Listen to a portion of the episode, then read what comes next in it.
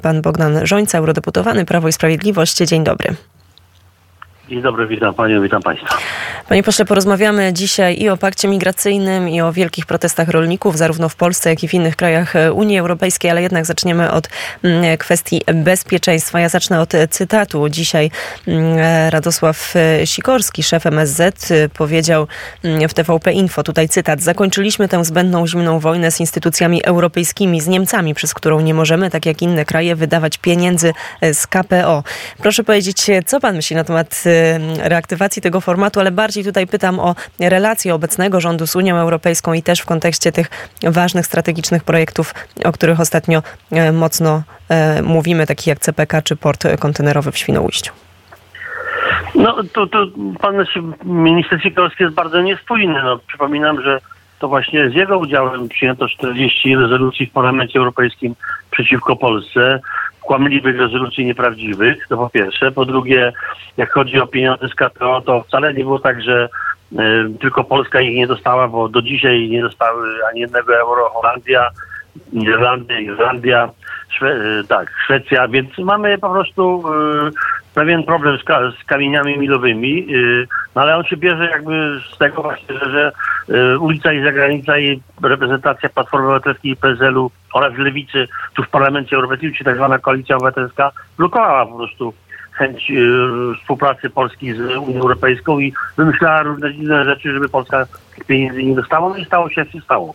Ale teraz, jak chodzi o Niemców, no to z kolei jest powszechnie znana służaltość rządu Donalda Tuska jego ministrów wobec Niemiec i to poprzedniej, y, powiedzmy, przy poprzednich rozdaniach, kiedy rządziła Platforma Obywatelska, a minister Sikorski był w rządzie, no też by, wygłaszał takie na, na kolanach przemówienia, powiedzmy, że, że Niemcy powinni być liderem Unii Europejskiej.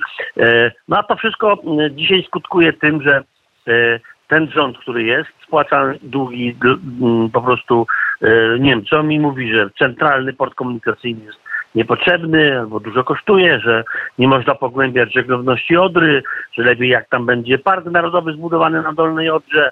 No oczywiście energetyka nuklearna też stoi w miejscu. No i to komunikatorstwo tego rządu jest bardzo widoczne.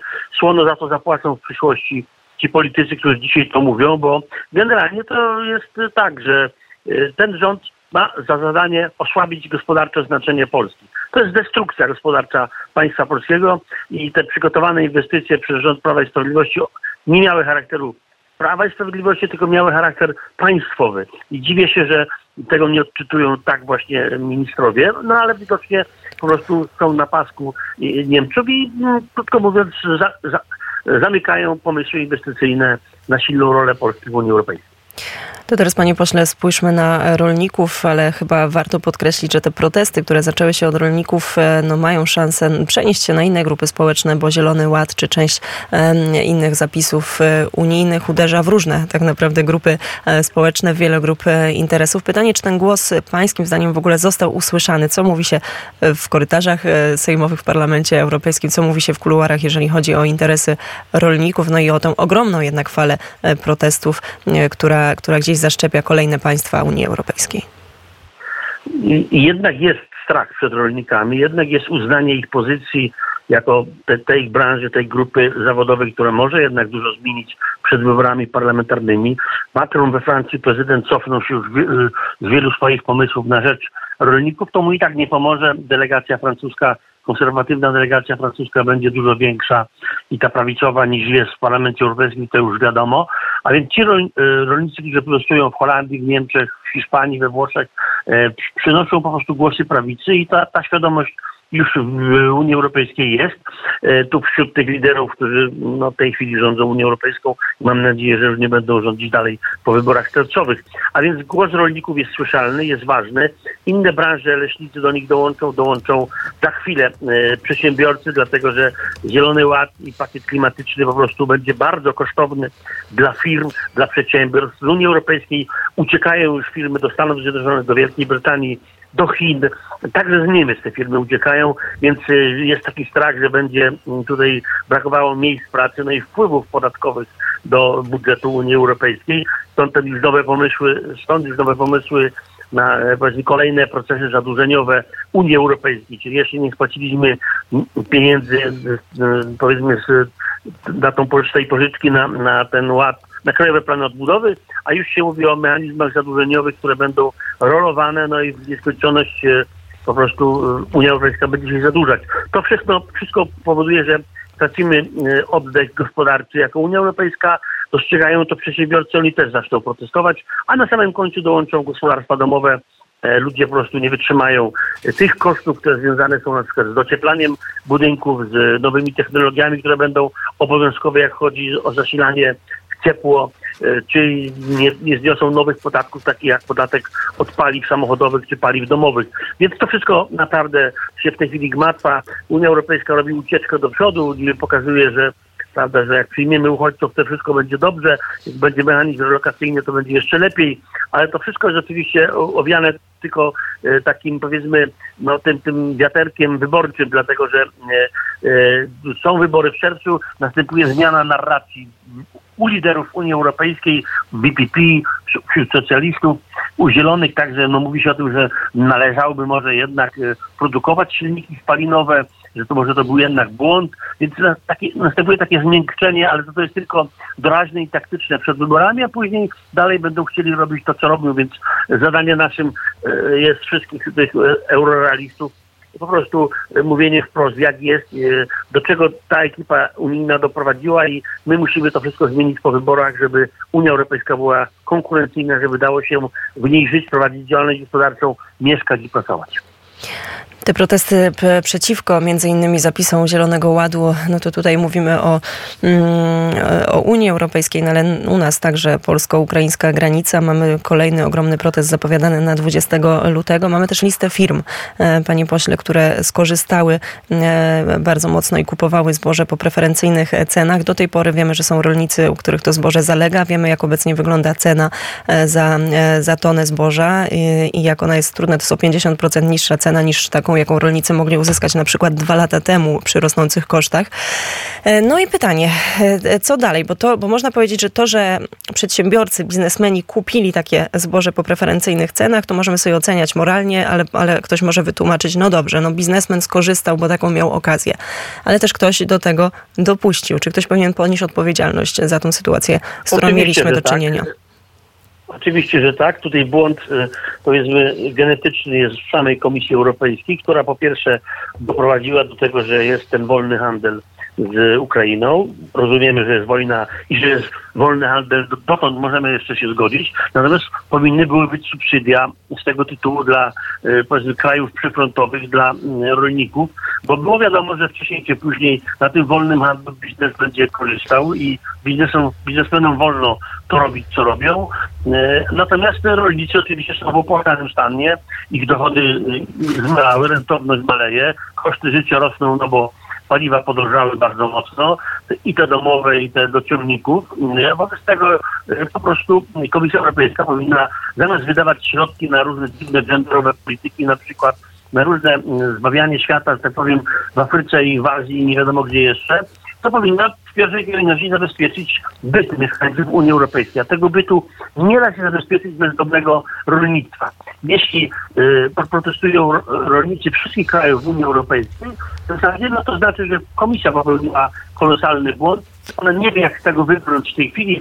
No mówi się, że będą kwoty, że rząd polski pracuje z rządem ukraińskim nad tym, żeby było kwotowanie różnego rodzaju e, żywności, to nic nie da, dlatego że mm, jakkolwiek kwoty będą, to będą zakłócały rynek po prostu Polski, Rumunii, Węgier, Czech, a stracą zawsze na tym rolnicy. I tak samo mm, Zielony Ład jest tak drogi, tak kosztowny, że rolnicy w Francji i w Niemczech nie odpuszczą. Oni sobie nie pozwolą na to, żeby stracili mm, swoją rentowność gospodarczą. Wobec tego to jest te działania Komisji Europejskiej są bardzo pozorne, bardzo nietrafione, niesłuszne.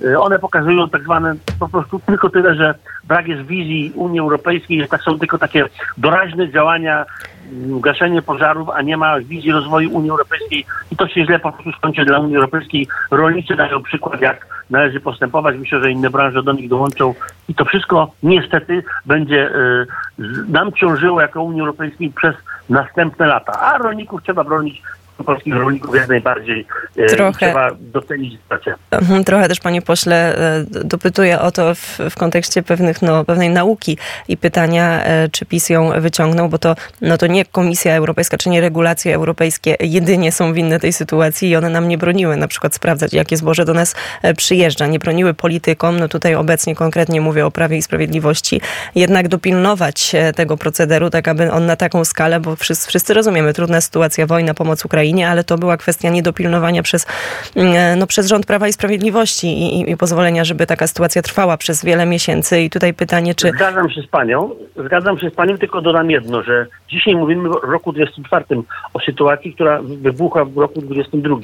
I y, myśmy wszyscy pomagali Ukrainie, wierząc w to, że po prostu no, ta Ukraina tę wojnę musi wygrać.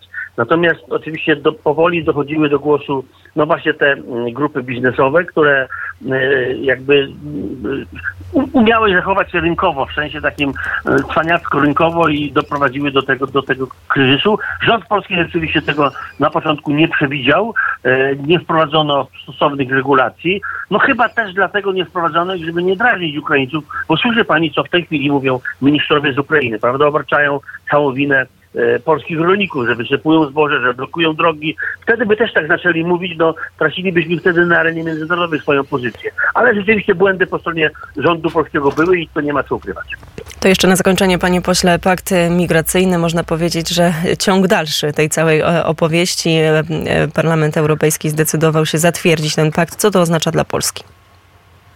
No to oznacza po pierwsze, że będziemy y, musieli przyjąć tych migrantów, po drugie, że będą duże koszty ich przyjęcia, koszty takie i właśnie finansowe, ekonomiczne, ale też, co chyba najgorsze jest, y, no niestety spadnie ranga bezpiecznej Polski. My jesteśmy w tej chwili tym krajem, który jest podziwiany przez cały świat, że, że potrafiliśmy doprowadzić do tego, że u nas nie ma aktów terroryzmu, że nie ma tych sytuacji, które są na zachodzie Europy.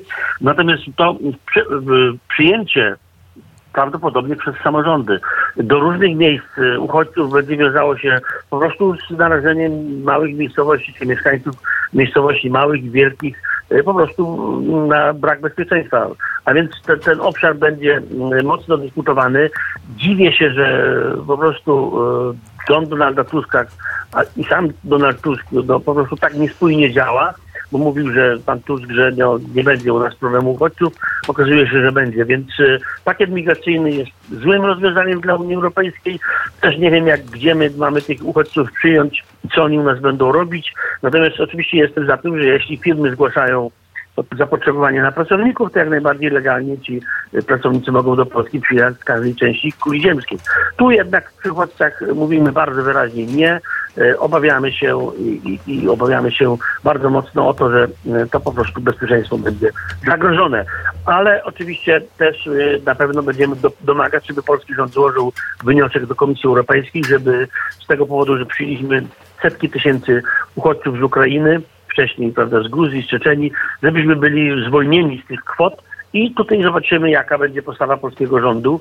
Chciałbym to jasno usłyszeć, że Donald Tusk taki wniosek złoży, że, żeby do Polski imigranci nie przybywali z tego powodu, że mamy już w polskim systemie zdrowotnym, w polskim systemie edukacyjnym y, dzieci, młodzież oraz y, no, Ukraińców, którzy no, obciążają nasz budżet, więc y, my swoje zrobiliśmy i myślę, że teraz trzeba pytać ministra, premiera, czy taki wniosek o, o po wyłączenie nas z tego mechanizmu zostanie złożony, bo to będzie czarno na białym widać, jak postępuje ten rząd.